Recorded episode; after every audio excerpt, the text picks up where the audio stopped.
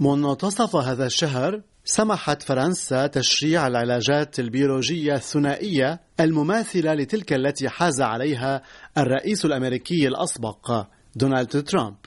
فلقد أعطت وكالة الدواء الفرنسية الأناسام الترخيص الاستثنائي والمؤقت لاستعمال صنفين ثنائيين من العلاجات المزدوجة والمركبة من الأجسام المضادة المخلقة في المختبر.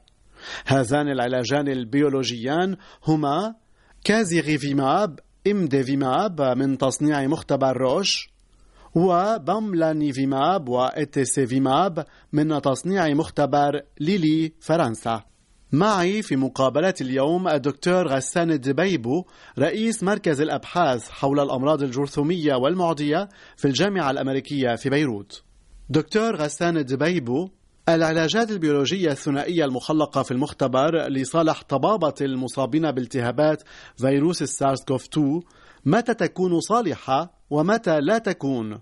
هيدا النوع من العلاجات برهن فعالية ممتازة عند المصابين بفيروس سارس كوفي 2 واللي إصابتهم خفيفة أو متوسطة وخاصة يلي عندهم خطر إنه تتفاقم حالتهم ويصير في عندهم مشاكل ومضاعفات بسبب وجود أمراض أخرى مثل السكري أو الضغط أو السمنة يلي ممكن تخليهم معرضين للمضاعفات.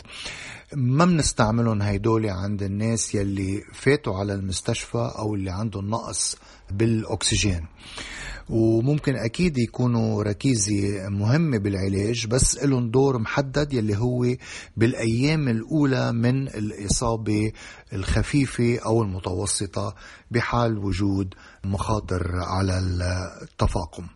دكتور غسان الدبيبو على المدى الطويل وبعد حيازة العلاج البيولوجي بالأجسام المضادة عبر المصل هل ينبغي أن يظل المريض تحت المراقبة الطبية حتى ولو عاد إلى منزله نظرا للاحتمال الكبير بحصول ردات فعل تحسسية خطيرة؟